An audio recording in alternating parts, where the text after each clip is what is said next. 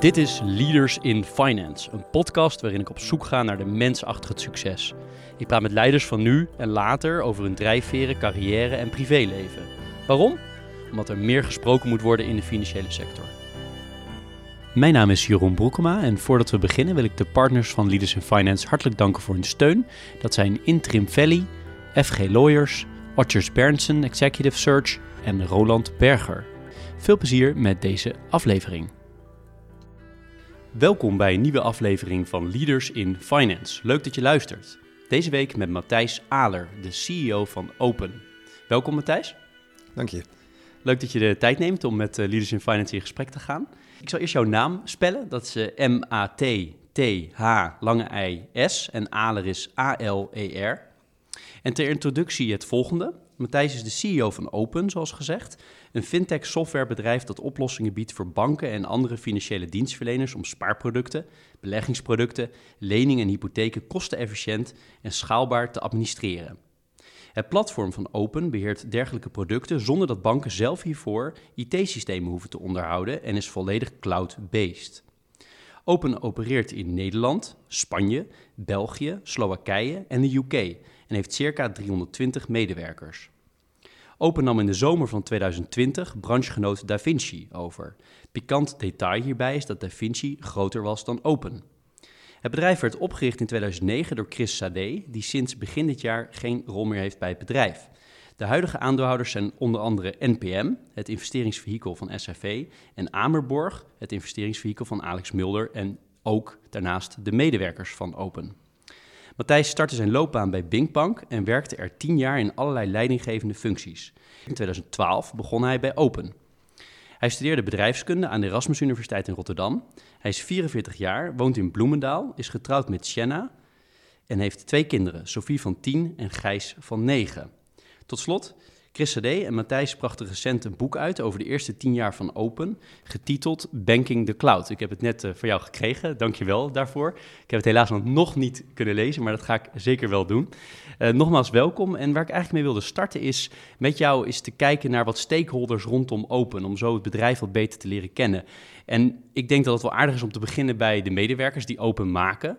Uh, kan je iets vertellen over hun achtergrond? waar zitten ze allemaal? wat voor soort mensen zijn het? Nou, we zijn dus in totaal met 320 mensen. Uh, en dat is uh, best wel mooi verspreid over de verschillende landen. Weliswaar zit het merendeel van de mensen in, in Nederland, zo'n 180, maar ook bijna 100 mensen in Slowakije, 35 in Spanje en meer dan 30 in België. Uh, dus het is uh, mooi verspreid. En het leuke is van het werken vandaag de dag dat zo'n medewerkerbestand een enorm divers en internationaal karakter heeft. toen ik twintig jaar geleden begon met werken bij Bink, waren het uitsluitend Nederlanders en af en toe een verdwaalde Belg. Maar nu werken we met mensen van bijna 40 verschillende nationaliteiten. En dat brengt zoveel extra's aan, het, aan het werk. En wat voor zijn het allemaal techmensen of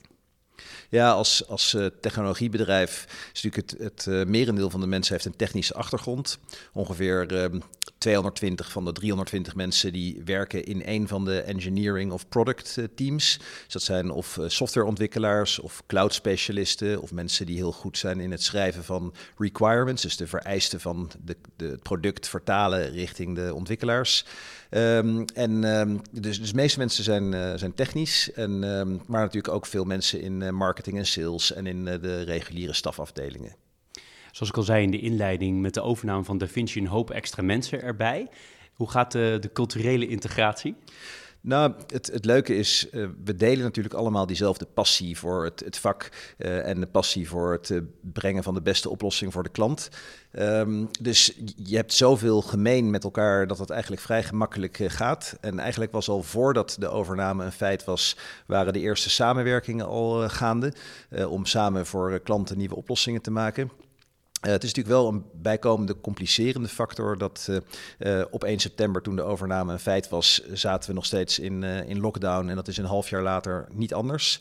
en dat is heel jammer dat je elkaar niet kunt zien en met elkaar samen in een hok kunt filosoferen en kan debatteren over de toekomst en over de purpose en over dat soort zaken. Maar Het is wel zo dat ehm, ondanks die belemmering we elkaar in allerlei andere samenwerkingsvormen toch heel goed kunnen vinden. En dat we dus ook uh, samen met elkaar verder kunnen bouwen aan een sterke cultuur met um, een eensluidende missie, visie en, uh, en purpose. En dat gaat heel goed, boven verwachting goed. Leuk. En dan die, uh, de andere stakeholder, de klanten, niet onbelangrijk. wie, wie zijn dat ongeveer en wie moeten dat ook nog worden? Uh, nou, op dit moment is het uh, overgrote merendeel van onze klanten nog Nederlands uh, van aard. We werken voor bekende banken en hypotheekverstrekkers zoals Nationale Nederlanden, Egon, ASN, et cetera. Dus bekende namen in de consumer finance. Uh, en um, ons belangrijkste doel voor uh, 2021 en, en, hierna is dat we ook het bedrijf een internationale karakter geven als het gaat om de klanten. Dus we zijn bezig om onze vestigingen in Londen en België uit te breiden en om ook klanten in die twee landen te gaan bedienen. Ik heb een aantal interviews uh, met jou geluisterd en daar blijkt ook steeds weer uit uh, het, uh, het, binnenhalen van een nieuwe klant voor Open. Dat zijn lange trajecten. Het is niet even een korte sales pitch en, done. Um, is dat internationaal nog lastiger? Nou, ik denk dat het best goed vergelijkbaar is hoe het in Nederland gaat. Uh, financiële instellingen die hebben natuurlijk de, de plicht richting hun klanten, maar ook richting uh, toezichthouders om heel zorgvuldig te werk te gaan. Dus het maken van beslissingen als het gaat over IT en operations is iets waar ze bij niet over één nacht ijs gaan. Dus zo'n traject duurt vaak uh, zes tot twaalf maanden en daar zitten allerlei verdiepingsworkshops in en risicoanalyses en demo's en proof of concepts. Um, en dat is in Engeland en in België niet anders dan in, dan in Nederland. Dus we verwachten ook niet dat de verkoop en implementatie inspanningen daar een heel ander karakter zullen hebben. Ik ga mijn rijtje uh, stakeholders af. Uh, aan de aandeelhouderskant is dat uh, best stabiel met de twee aandeelhouders die ik noemde volgens mij. Is daar expliciet voor gekozen of is dat zo gekomen? Nou, we hebben uh, aan het begin uh, van uh, Open in 2009 heel bewust gekozen naar een, voor een lange termijn investeerder die dezelfde doelen had als Open en die echt geloofde in het doel waarvoor wij in het leven waren geroepen. die heeft Chris gevonden in Alex Mulder, een bekende uitzendondernemer die ja, in 40, 50 jaar tijd een fantastisch bedrijf heeft gebouwd. Hij onderschreef het idee en het executieplan van Chris en heeft ervoor gekozen om te investeren. Niet alleen de, de seed capital ronde in 2009, maar ook de groei die we daarna hebben doorgemaakt. Die is uh, door uh, Amerborg, het investeringsvehikel van Alex, is dat allemaal gefinancierd. En um, toen in 2017, 2018 duidelijk werd dat Alex ook andere plannen wilde verwezenlijken, andere dromen wilde najagen. En hij zei: Het is nu ook mooi als er een andere investeerder bij komt. Hebben we eigenlijk diezelfde. Uh, uh, datzelfde nog een keer geprobeerd, uh, namelijk het zoeken van een aandeelhouder die ook uh, niet heigerig is voor de lange termijn in bedrijven participeert. Hebben we gevonden in NPM Capital, een bekende Nederlandse investeerder. Die zijn in april 2019 eh, toegetreden tot het uh, aandelenkapitaal van Open.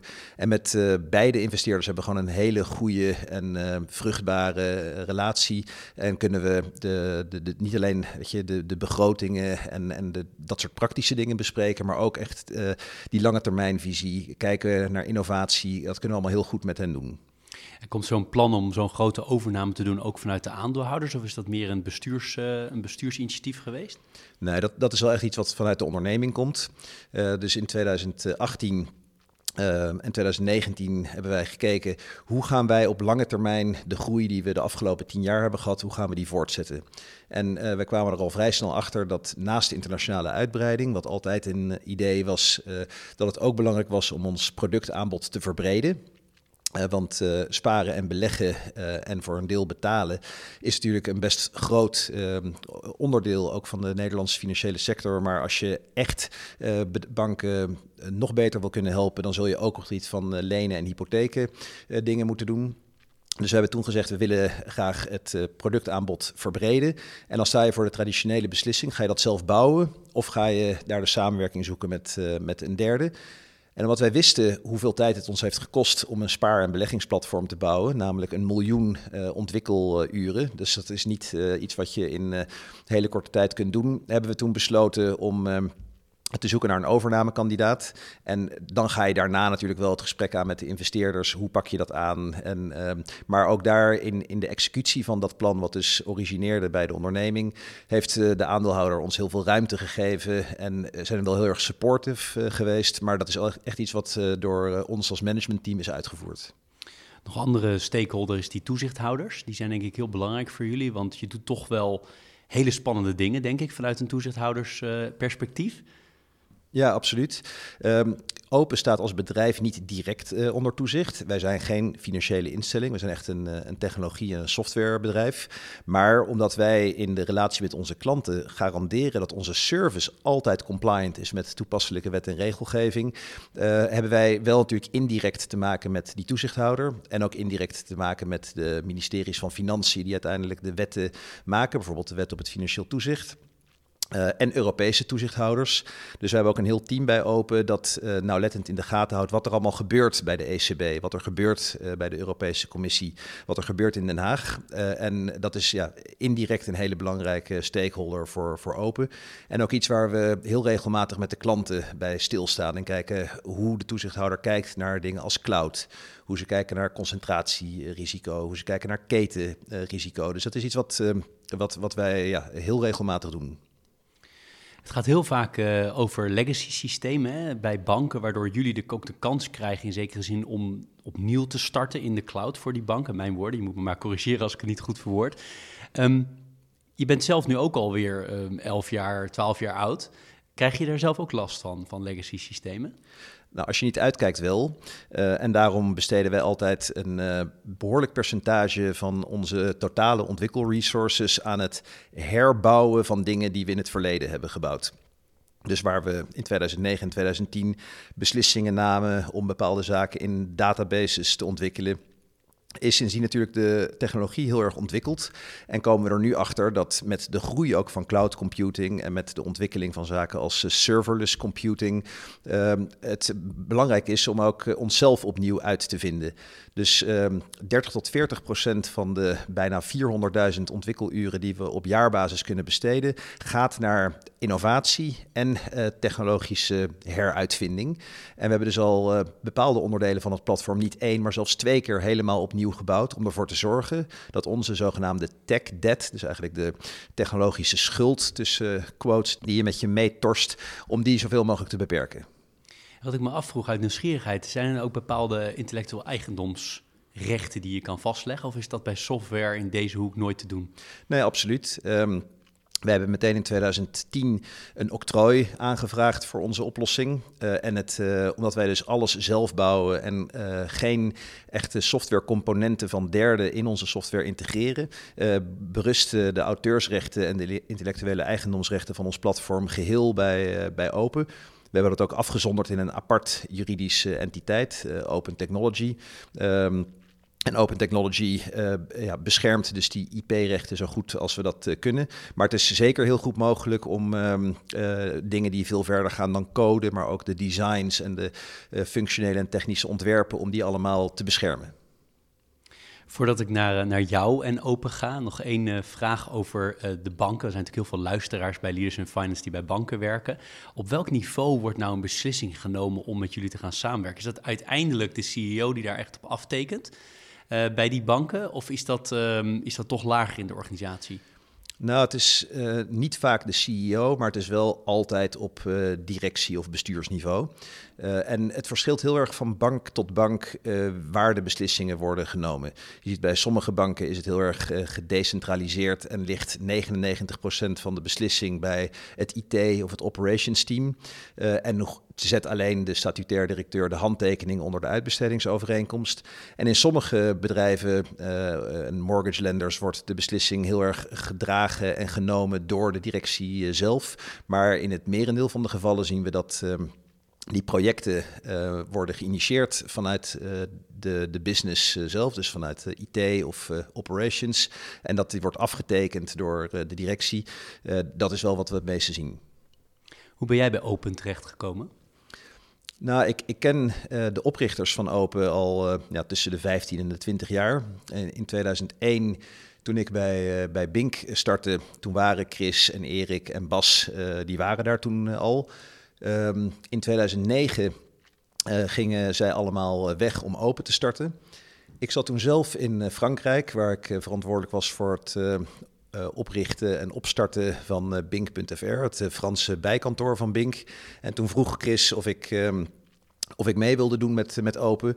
Maar voor mijn gevoel was toen de, de, de verwezenlijking van de droom in Frankrijk nog niet uh, afgerond. Het was toen wel net uh, live, een paar maanden.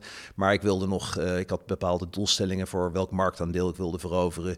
En het was voor mijn gevoel nog te jong om over te dragen aan iemand anders. Dus pas toen ik terugkwam bij Bink in Nederland, een paar jaar later, heb ik besloten om alsnog op de vraag van, van Chris in te gaan en om bij Open te komen. Waarom denk je dat ze jou vroegen? Nou, bij, bij Bink was het al zo dat Chris en ik een, uh, een goed duo waren. We vulden elkaar uh, goed aan. Um, op, op heel veel verschillende onderdelen. En um, ja, dat, dat zag ik, uh, dat, dat zag hij. dus um, het, het was eigenlijk heel vanzelfsprekend dat wij ja, ook weer in een andere samenstelling, in, een andere, in een ander bedrijf met elkaar zouden gaan samenwerken. Ik ben benieuwd naar, is dat dan uh, niet specifiek in deze relatie, maar in meer in brede zin, is dat altijd ook persoonlijk of is dat puur zakelijk, dat dat aan, aanvullende zaken zijn die je inbrengt? Nou, het is, het is altijd een combinatie van uh, zaken. Maar ik denk dat als het gaat over ondernemerschap en over het uh, bouwen en uitgroeien van een uh, bedrijf, dat toch de, de zakelijke kenmerken de bovenhand moeten voeren. Want uiteindelijk ben je toch bezig om waarde te creëren als onderneming, als ondernemer. En doe je dat ook voor aandeelhouders en wil je voor je werknemers het beste beleid definiëren. Dus je doet dat nooit alleen op vriendschappelijke basis. Uh, dus er, er, er moet ook uh, een heel groot stuk van uh, zakelijke complementariteit zijn. En ehm, dat was bij ons absoluut het geval. Uh, dus ik zou zeggen, om antwoord te geven op je vraag, dat het uh, voornamelijk uh, zakelijk is, maar dat het daarnaast natuurlijk wel prettig is als je ook vriendschappelijk met elkaar kunt omgaan en als je elkaar door en door kent. Zie jij jezelf als ondernemer? Eigenlijk niet in 2001, toen ik bij Bink eh, startte, uh, ik was uh, vers uit de collegebanken van de Erasmus Universiteit. Um, toen sloot ik aan bij de ondernemersdroom van, uh, van Carlo en Thierry en, en Pim en Hanneke. en heb ik ehm, wel in dat hele jonge bedrijf, toen nog maar 30, 40 man groot, heb ik denk ik ehm, met wel een ondernemende geest mijn steentje kunnen bijdragen aan het succes van, van Bink. En, en, later steeds meer. En bij Open is het in feite niet anders uh, gegaan. Uh, om Open te starten was niet mijn idee. Ik was er ook niet op dag één uh, bij. maar ik ben wel in zo'n startfase en in een doorgroeifase, denk ik, heel geschikt om het bedrijf de goede kant op te leiden. Of je bent straks de derde generatie met die hele club mensen die je net opnoemde. Hè. Er zijn heel veel weer andere ondernemers uit voortgekomen. En misschien ben jij wel weer de derde generatie die straks voor zichzelf begint. Nou, het is, het is wel iets waar ik de afgelopen twintig jaar regelmatig mee heb uh, gestoeid hè, met die gedachte van zou ik het kunnen? En, um, een, een, goed idee hebben is, is één, maar het uh, uitvoeren en het uh, dwars door deuren heen gaan en het wegwerken van bezwaren is een heel ander verhaal. Dus heb je het in je om echt die executiekracht zo door te voeren dat je een idee kan uit laten groeien tot een succesvol bedrijf. Dat is iets wat, um, wat ik ooit nog wel zou willen onderzoeken of ik het in me heb om om zoiets te kunnen doen.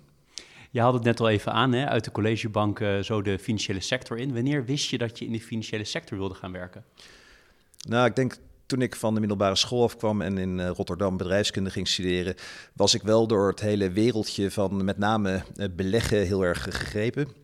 Ik heb uh, de film Wall Street, denk ik wel twintig of dertig keer gezien. En uh, wat me heel erg aansprak in die film was um, de vastberadenheid van, uh, van Bud Fox om het te maken in die wereld van uh, investeringen. En om aan tafel te willen zitten bij de grote jongens en om succesvolle investeringen te doen.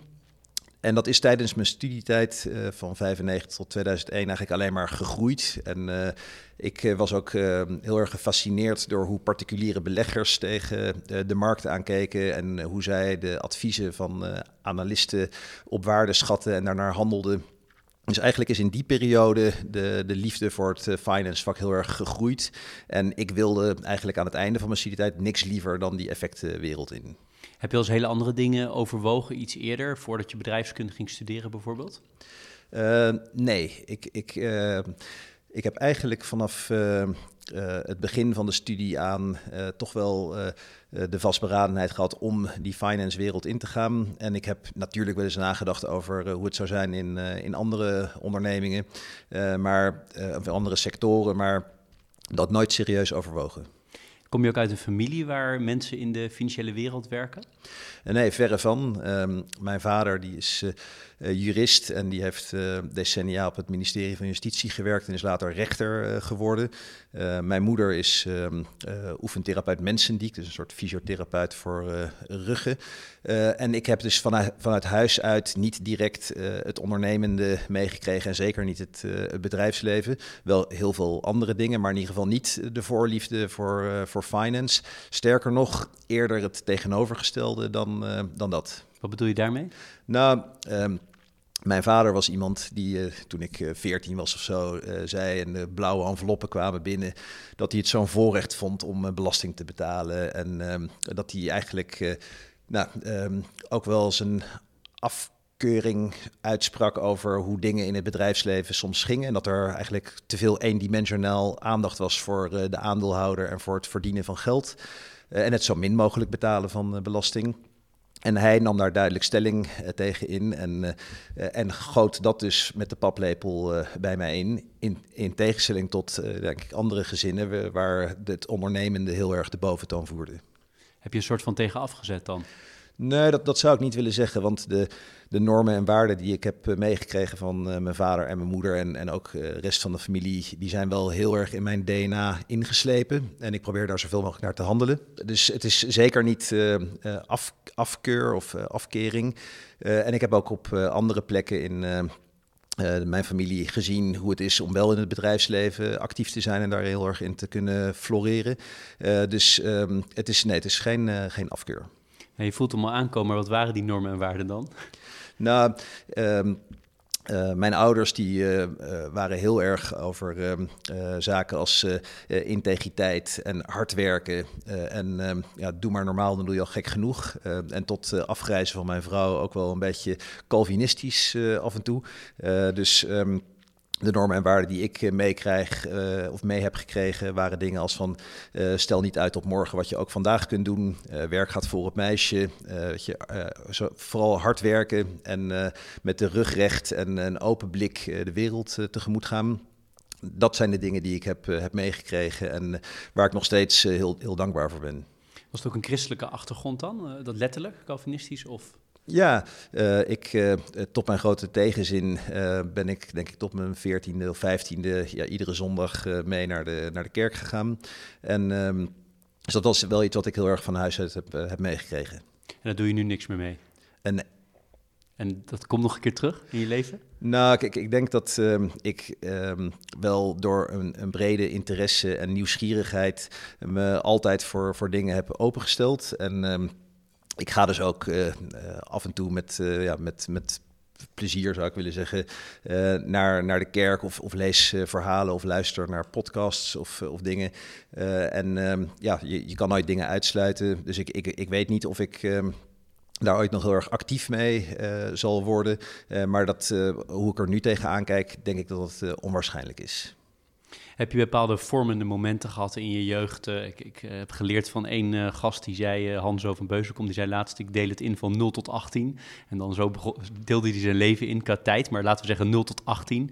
Bepaalde vormende momenten gehad die, die nog steeds impact hebben op je leven? Ja, ik, ik denk, uh, om bij Hanzo te blijven, dat voor mij 0 tot 18 en 18 tot uh, 23, dat dat een belangrijk keerpunt was. En daar, daarin ben ik niet bijzonder, want ik denk dat heel veel mensen op het moment dat ze uit huis gaan en op eigen benen gaan staan en terechtkomen in een wereld waar je voor jezelf moet denken, en waar je je eigen verantwoordelijkheid moet pakken, namelijk als je gaat, als je gaat studeren, dat dat voor mij een, een heel erg belangrijk moment in mijn leven is geweest. Um, weg uh, van huis in een nieuwe omgeving, um, in een nieuwere manier van onderwijs waar je heel veel vrijheid uh, krijgt. Uh, voor mij is dat moment om te gaan studeren en om ook ehm, gewoon helemaal ja, je onder te dompelen in, de, in het studentenleven. Dat, dat is denk ik een belangrijk punt geweest. Heb je broers en zussen? Ja, ik heb een um, jonger zusje, drie jaar jonger. Die is actief in de provinciale politiek in en de gemeentelijke politiek in Stichtse Vecht.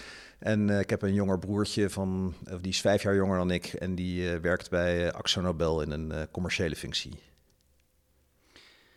Je studententijd, wat voor, hoe zullen we dat omschrijven? Um, nou, best wel als een worsteling. Ehm, die vrijheid die ik net noemde, ik had in de eerste twee jaar wel moeite om de goede balans te vinden tussen vrijheid en uh, discipline. Uh, ik heb er dus ook uh, eh, 2,5 jaar over gedaan om een uh, te halen.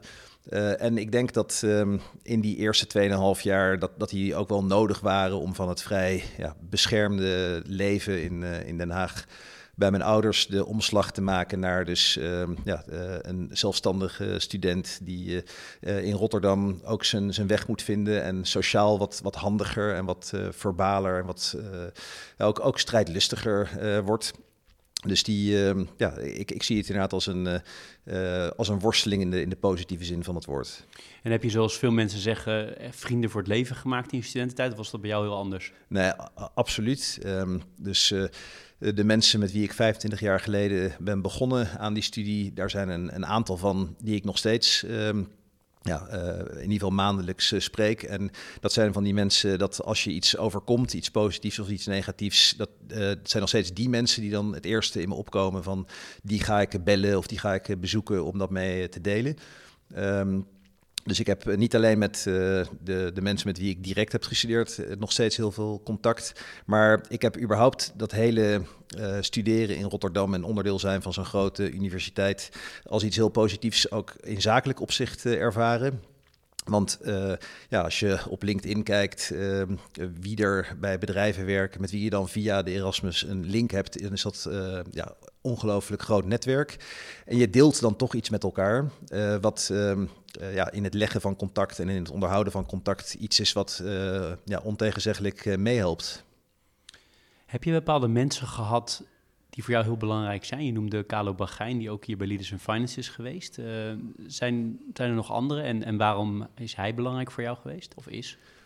Nou, ik denk dat ik van, uh, van, van Carlo uh, veel heb geleerd over ehm, het vormen van een strategie, het uitdragen van die strategie naar het team, naar de medewerkers, naar, de, naar de aandeelhouders. Dus hele duidelijke communicatie en focus daarin.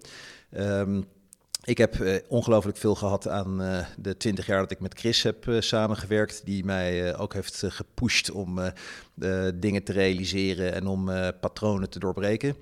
Um, ja, en zo zijn er nog denk ik een handjevol mensen, zowel privé als zakelijk, van wie ik denk van ja, die hebben echt een meaningful um, rol gespeeld in mijn leven. Die mij hebben gemaakt en gevormd tot wie ik vandaag ben als je over feedback nadenkt, ik kan bij mezelf, in het begin van mijn eigen carrière, nog een aantal feedbackmomenten herinneren van ik nu denk, oeh, het was best wel even pijnlijk, maar ik heb er wel heel veel aan gehad. Heb jij dat ook, dat je van die feedbackmomenten kreeg, waarvan je nu nog denkt, ja, dat was echt wel heel belangrijk dat ik die kreeg, maar toen was het niet leuk? Um, ja, kijk, wij, proberen hier bij Open heel erg een cultuur van het geven van feedback um, te stimuleren. En we doen dat ook uh, niet alleen binnen het managementteam, maar ook in uh, het bedrijf in de volle breedte. Uh, geven we daar op heel regelmatige basis invulling aan. We hebben toevallig nog twee weken geleden een, een roast en toast gedaan, waarbij je richting je teamgenoten uitspreekt wat je waardeert en wat ze, waar ze vooral mee moeten doorgaan, maar ook waar mensen mee moeten stoppen. en als ik heel eerlijk ben, hoor ik eigenlijk al een jaar of twintig hetzelfde. En ja, moet ik daar wat mee of moet ik gewoon accepteren dat het zo is? En dan denk ik aan dingen van nou, ehm, wat te wollig zijn in de communicatie. dus wees wat meer to the point. en ook, en dat is misschien denk ik een belangrijkere, probeer niet altijd de harmonie te willen bewaren in een team, maar accepteer het ook als soms die harmonie er niet is. En als je je gewoon heel duidelijk uitspreekt over iets en ook accepteert dat dat betekent dat een van de deelnemers aan een discussie ja, eh, daar dan eventjes eh, pech heeft tussen aanhalingstekens. Nou, je bent in dit interview in ieder geval heel erg to the point. Dat wil ik vast als feedback teruggeven.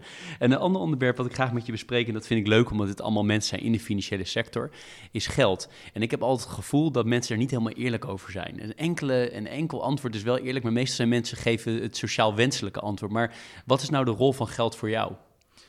Um, ja, ik, ik zie geld als um, als een middel om ervoor te zorgen dat je focus kan hebben. En ehm, uh, en, en dat je ja, een onbezorgd uh, leven kunt leiden, in ieder geval op het gebied van zeg maar financiële zekerheid. dus voor mij is geld wel degelijk iets belangrijks, want het zorgt ervoor dat, dat ik me ook in mijn werk vol kan richten op de uitdagingen die voor me liggen op, op zakelijk gebied.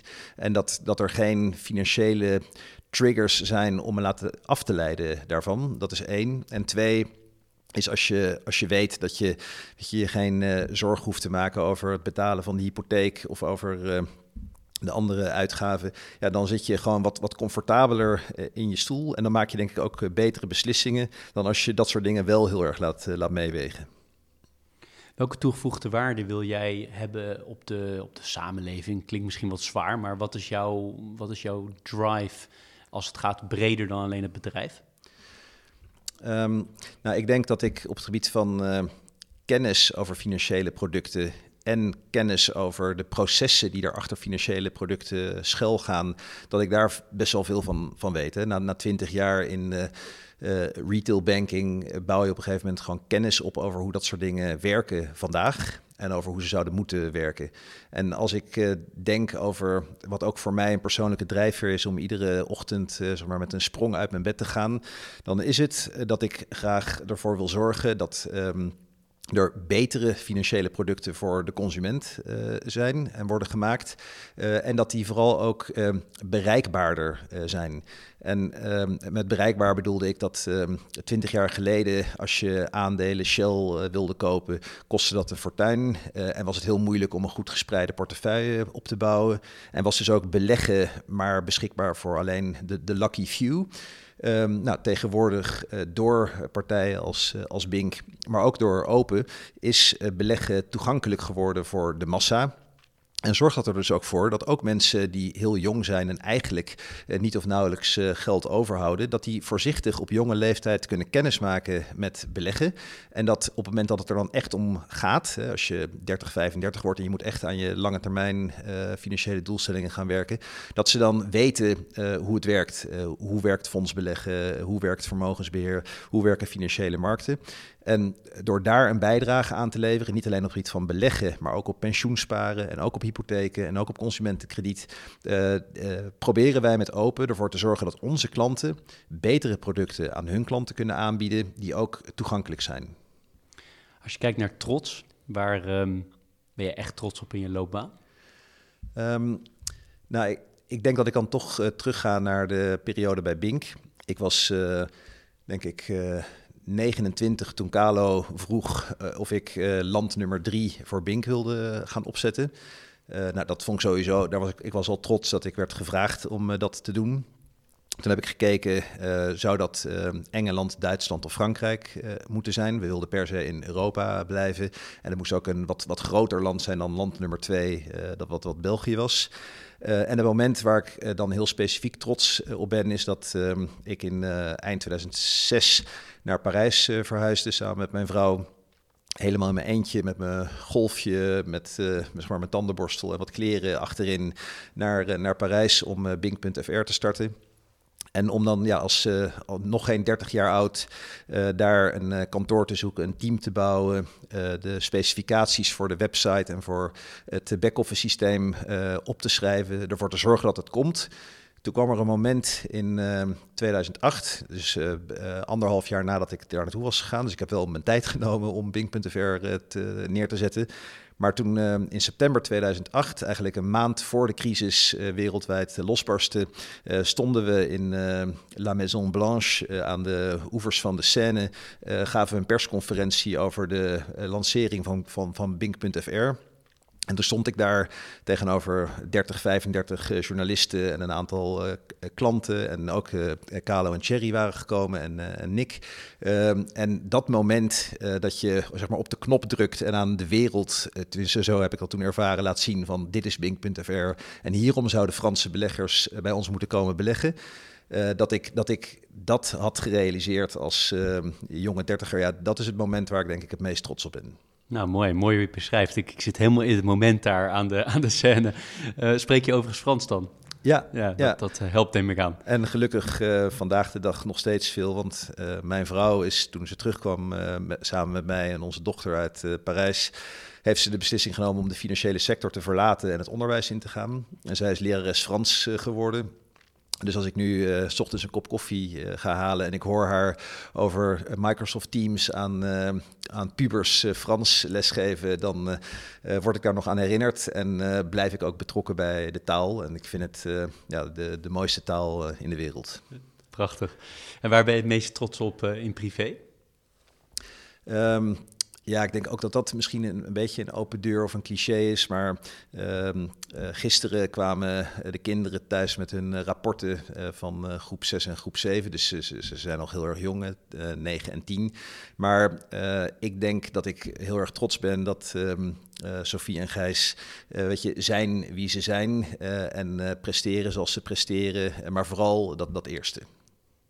Wat voor soort ouders zijn jullie? Um, ik denk uh, ja, heel veel aandacht uh, en um, betrokkenheid. Uh, en ja, ik, ik hoop uh, liefdevol en ik denk dat we heel liefdevol zijn. Um, ik denk dat we proberen om een goede balans te zoeken tussen weet je, presteren en ook gewoon weet je, kind zijn en genieten. Dus we zijn denk ik niet overdreven streberig richting ze, dat hoop ik. dus dat soort ouders. En als het gaat om een hele andere vorm van opvoeden, namelijk eh, mensen coachen in het zakelijke leven, doe je dat uh, los van je eigen teams?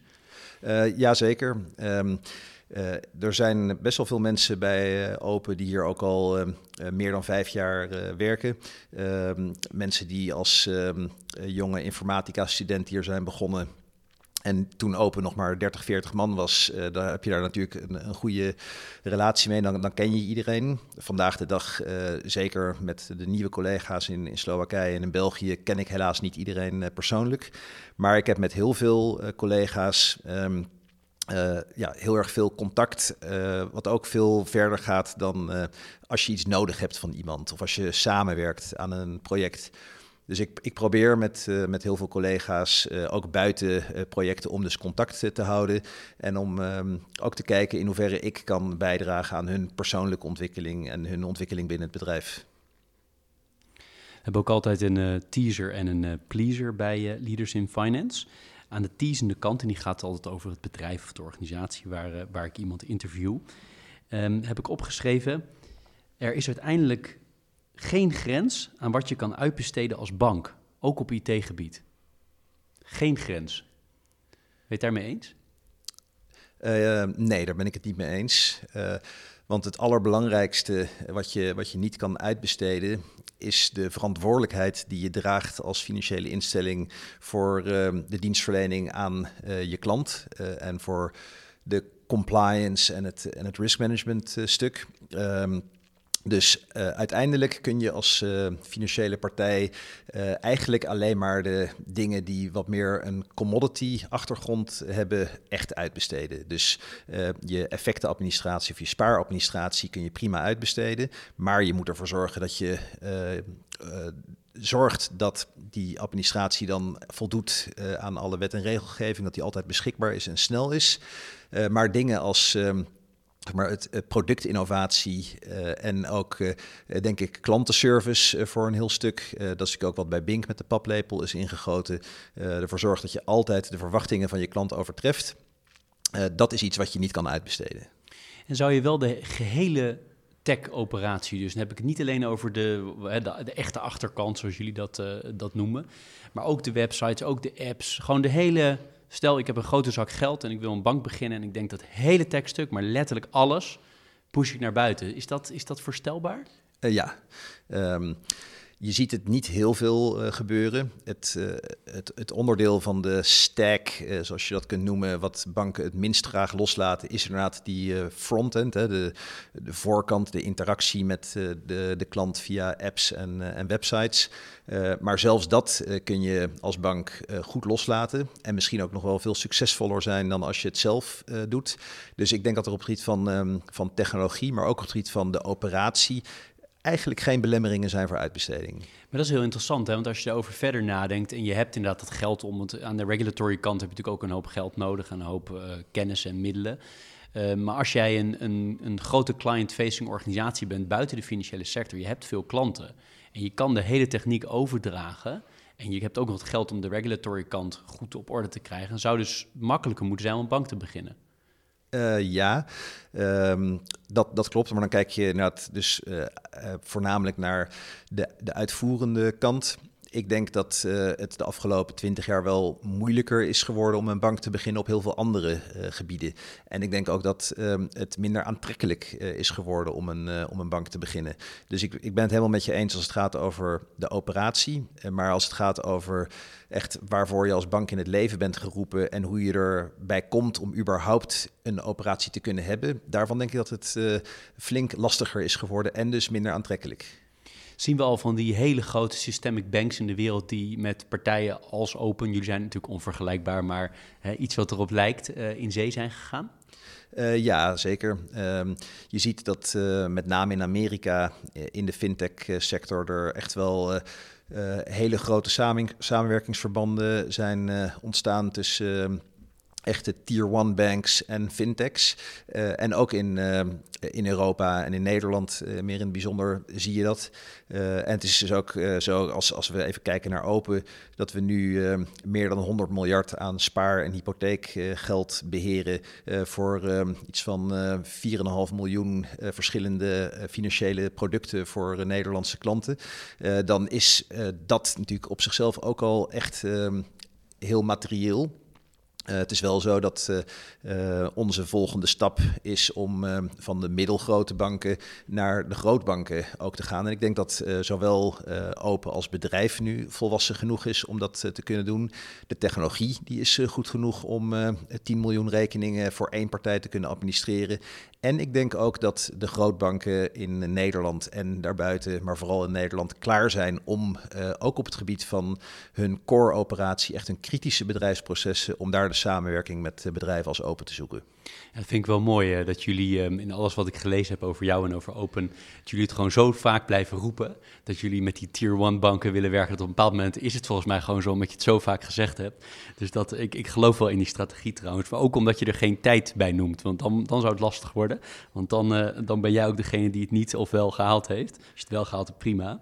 Aan de pleasende kant uh, ben ik benieuwd naar of er boeken zijn die jou hebben geïnspireerd of die jij met veel plezier cadeau geeft, of anderszins impact hebben op jou, uh, of hebben gehad of hebben op jouw leven? Uh, ja, zeker. Ik, ik probeer veel te lezen. En niet alleen non-fictie, maar vooral ook romans. Uh, maar een, een, boek wat de afgelopen jaren veel indruk op mij heeft uh, gemaakt uh, en mij ook een beetje heeft bevestigd in mijn eigen levensovertuiging, is dat boek De meeste mensen deugen van Brechtman. mij is heel vaak het verwijt gemaakt dat ik naïef ben. En ik denk dat ik trots, trots ben op mijn naïviteit.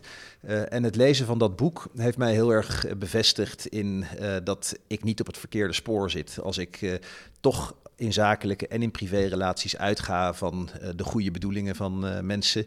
en dat ik ervan uitga dat ja, dus verreweg de meeste mensen gewoon deugen. en dat boek, dat leen ik uit of, of geef ik cadeau omdat ik denk dat het heel goed is als alle zwartkijkers. Um, met name als het gaat over intermenselijke relaties, ook eens lezen over hoe um, ja, uh, hele beroemde verhalen zoals uh, weet je, het um, Prison Experiment en, en Lord of the Flies, om dat in het juiste perspectief te zien en ook de, een ander geluid daarover te horen. ik vind het mooi dat je inderdaad de positieve kant wil zien. Ik had ook jouw um, Twitter uitgebreid bekeken. En ik kreeg het idee, maar correct me if I'm wrong, dat jij ook ongelooflijk kan ergeren aan dingen die wel jou uh, na het hart gaan. Bijvoorbeeld uh, als er uh, grote dieren gedood worden. Ik zag op Twitter een aantal van dat soort berichten over de walvisjacht of, de, of op de, de, de grote, ehm, grote dieren in Afrika. Maar misschien heb ik het helemaal verkeerd gezien. Nee, ik, ik, uh, ik trek me dierenleed en uh, mensenleed uh, heel erg aan. En weet je, er bestaat niet zoiets als zinvol geweld. Weet je, er wordt gesproken over zinloos geweld. Zinvol geweld is maar in heel weinig gevallen, denk ik, echt zinvol.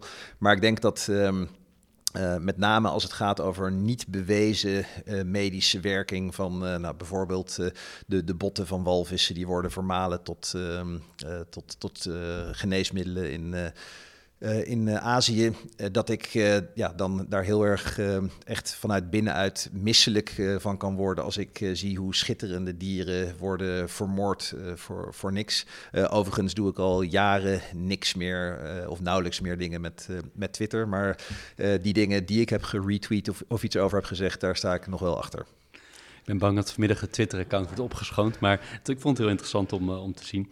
Um, als het gaat om uh, mensen die nu starten op de arbeidsmarkt, heb je daar bepaalde tips voor? En, met name mensen die starten in de financiële sector. Um, ja, ik, ik denk dat uh, iets waar ik zelf heel erg veel aan heb uh, gehad en wat ik ook vandaag de dag nog probeer te zijn, is um, nieuwsgierig en leergierig. Uh, en ik denk dat zeker als je begint uh, te werken, je hebt natuurlijk veel meegekregen vanuit uh, school en misschien universiteit. maar als je dan de stap maakt om van uh, het onderwijs uh, het, het, echte leven in te gaan, dan moet je ervoor zorgen dat je die nieuwsgierigheid uh, niet verliest en dat je die leergierigheid behoudt. Um, omdat ik ervan overtuigd ben dat als je ergens binnenkomt en je doet gewoon je stinkende best om alles wat je moet weten over jouw product of je dienst of je collega's of je sector of de industrie, dat je dat allemaal wil weten, dan kun je al heel snel het verschil maken ten opzichte van andere mensen die toch misschien daar wat, wat luier in zijn of van nature wat ongeïnteresseerder. En uh, ja, Carlo die zei vroeger altijd dat je in uh, Nederland al heel snel met je kop boven het maaiveld uitsteekt als je maar goed genoeg je best doet. Ik onderschrijf dat. Uh, en um, ik zou dus uh, ja, jonge mensen die beginnen met werken vooral heel erg aanraden om uh, nieuwsgierig te zijn. En um, het is ook een van de leadership principles van Amazon die ik heel erg onderschrijf. Is dat bij Amazon, um, als je daar een leidende functie wil hebben, dan moet je de ability to dive deep hebben. En dat is dus dat je van een onderwerp gewoon alles wat daarover te weten kan zijn, dat je, dat, dat je ervoor voor zorgt dat je dat weet. En ik denk dat die ja, nieuwsgierigheid er uh, bij mij voor heeft uh, geleid dat ik uh, dus op momenten uh, dat het ertoe deed, kon aantonen dat ik ergens iets van afwist. Of dat ik wist hoe je iets moest inrichten of hoe je iets moest bouwen. En dat mensen daarop af zijn gegaan. En dat ze denken van hey, volgende keer dat we zo'n proces of zo'n product gaan maken, dan moeten we eens vragen aan Aler wat hij daarvan denkt. Zie je veel dingen die starters niet handig aanpakken, die heel vaak terugkomen, ook in je organisatie, maar ook daarbuiten? Nou, vind ik een, vind ik een moeilijke vraag. Um, ik denk uh, dat um, het onverstandig is om te snel te hard uh, te willen gaan. Uh, dus uh, het is natuurlijk heel erg ingegeven door succes wat je om je heen ziet. Dat je zelf ook heel graag heel snel op een plek terecht wil komen.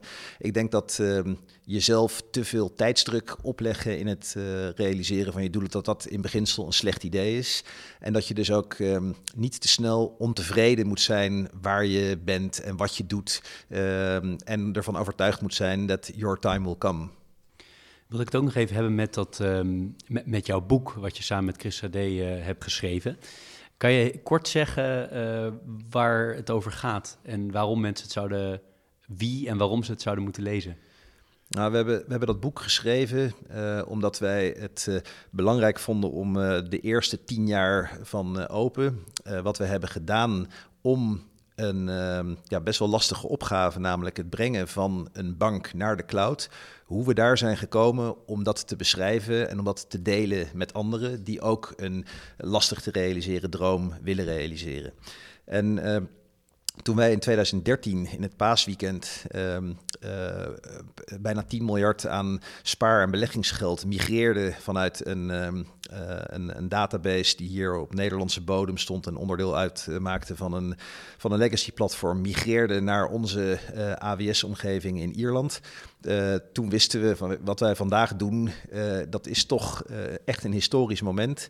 Want er waren weliswaar banken die weet je, risk management applicaties of opslag in, in de cloud deden of hun e-mail mail zoals Office 365, maar echt het draaien van kritische bedrijfsprocessen in de cloud en het administreren van spaarsaldi en beleggingsrekeningen in de cloud, dat was nog nooit gedaan. En dat verhaal wat dit boek beschrijft over hoe die eerste bank in de cloud tot stand is gekomen en wat voor ja, ontberingen we zijn getrotseerd om daar te komen, dat, dat vonden wij de moeite van het delen waard.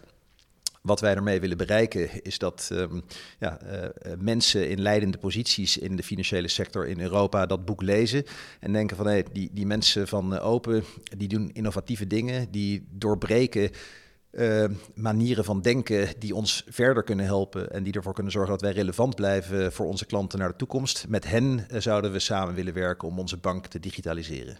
Hoe blijf je innovatief?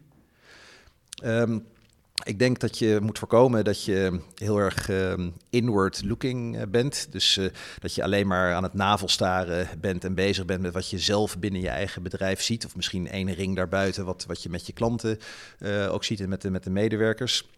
Uh, dus uh, het is belangrijk om um, de tijd te nemen om echt naar buiten te kijken. Uh, wat, wat zien we in de rest van de wereld gebeuren? Ehm, als we niet denken in beperkingen van tijd of technologie of geld, wat zouden we veranderen aan, aan onze business als die beperkingen er niet waren? En uh, ja, dan kom je op ideeën die ervoor zorgen dat je dus iets wat voorheen niet mogelijk was, mogelijk maakt. En om dat bijvoorbeeld concreet te maken, wij willen vanuit onze hypotheekbusiness uh, ervoor zorgen dat uh, banken in staat zijn om straks hun klanten al van tevoren met een zak geld bij spreken naar buiten te sturen. Zodat ze niet eerst een huis hoeven uit te zoeken, dan een taxatierapport op te vragen, een loonstrookje in te dienen en te kijken of ze die hypotheek krijgen. Maar dat ze weten, weet je, ik kan gewoon voor 275.000 euro kan ik die huizenmarkt op. En het hoeft niet vier of zes weken te duren voordat ik weet of ik die hypotheek krijg. En um, dat klinkt uh, misschien niet zo overdreven innovatief, maar als je bekijkt wat er nodig is om op dat punt te komen, uh, is dat best veel. En wij hebben de overtuiging en de bereidheid om ervoor te zorgen dat, uh, dat die droom op korte termijn realiteit wordt. Je hebt altijd intense banen gehad, waarbij je veel verantwoordelijkheid hebt genomen. nou, deep dive heb je waarschijnlijk zelf ook gedaan op, op, een, op een subject matter elke keer. Hoe combineer je dat met uh, privé? Post en pre-kinderen is misschien ook nog wel een goede indeling om deze vraag, uh, uh, vraag te beantwoorden. Um, ja, ik denk dat ik er niet altijd even succesvol in ben geweest om, om, die, om die balans te vinden ik moet zeggen dat de huidige situatie van weet je, 80% thuiswerken, dat die er wel toe bijdraagt. Uh, dat je op uh, momenten tussen twee calls in toch net eventjes uh, dat je met elkaar kan lunchen of je zoon kan helpen bij zijn rekenhuiswerk en um, dat je iedere avond toch samen, samen eten. Um, dus ik, ja, ik denk het is in het verleden lastig geweest om die balans te zoeken. Ik ben ook zelf een aantal keren best wel in de valkuil getrapt om um, uh, mijn hele gedachten te laten beheersen door het werk en geen ruimte te vinden voor ontspanning. En om ook echt uh, in de situatie thuis te zijn of met vrienden te zijn zonder afgeleid te worden door de problemen waar je op je werk mee bezig bent.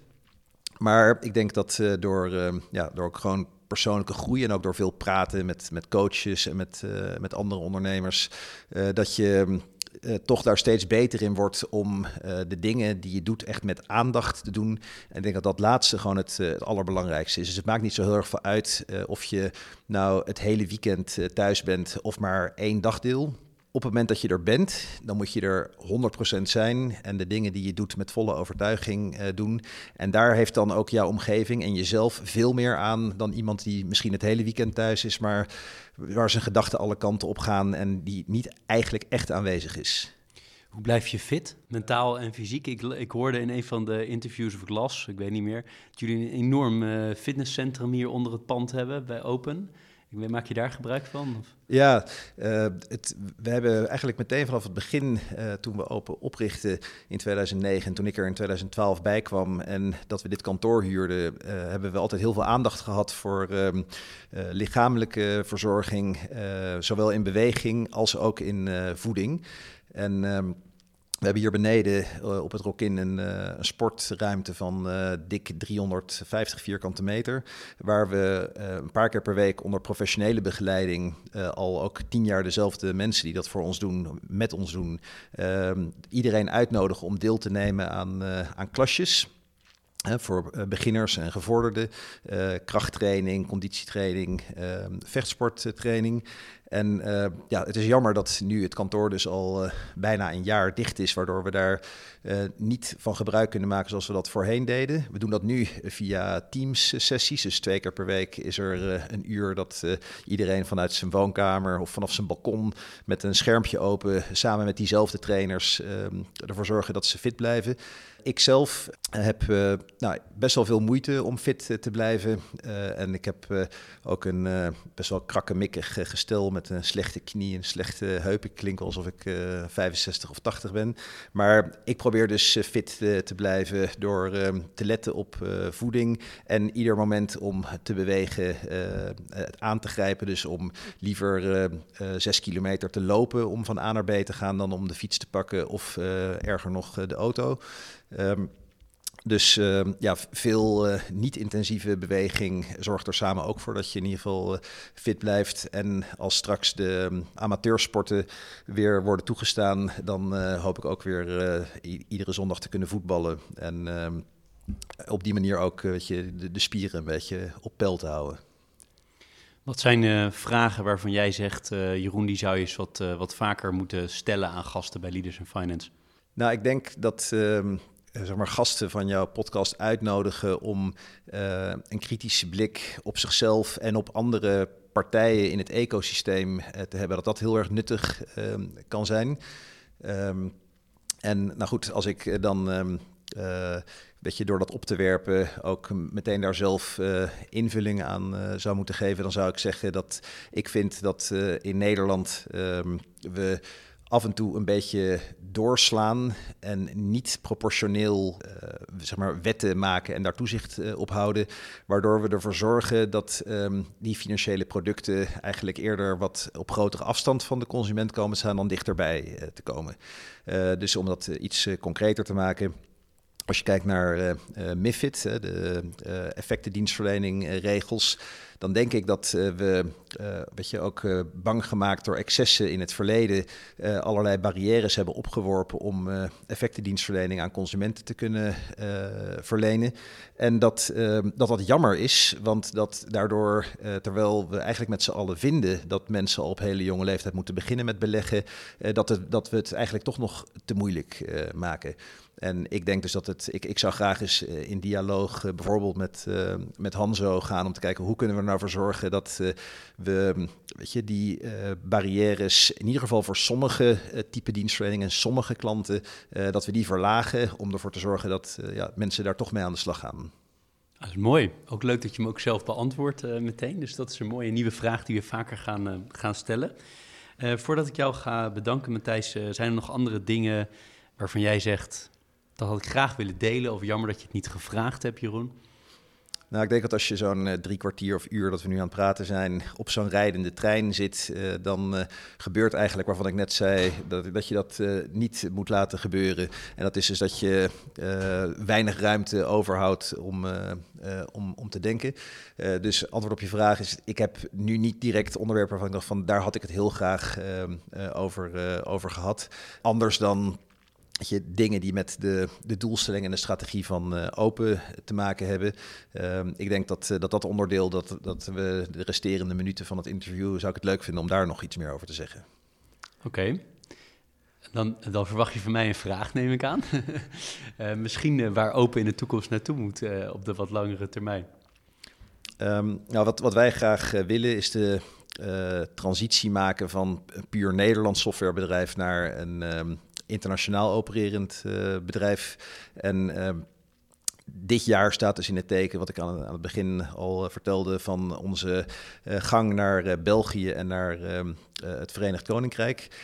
daar zijn we al qua product een heel eind op weg, lees bijna klaar. Maar is natuurlijk het allerbelangrijkste om een klant um, te vinden met wie je samen die, die activiteiten kunt, kunt opstarten.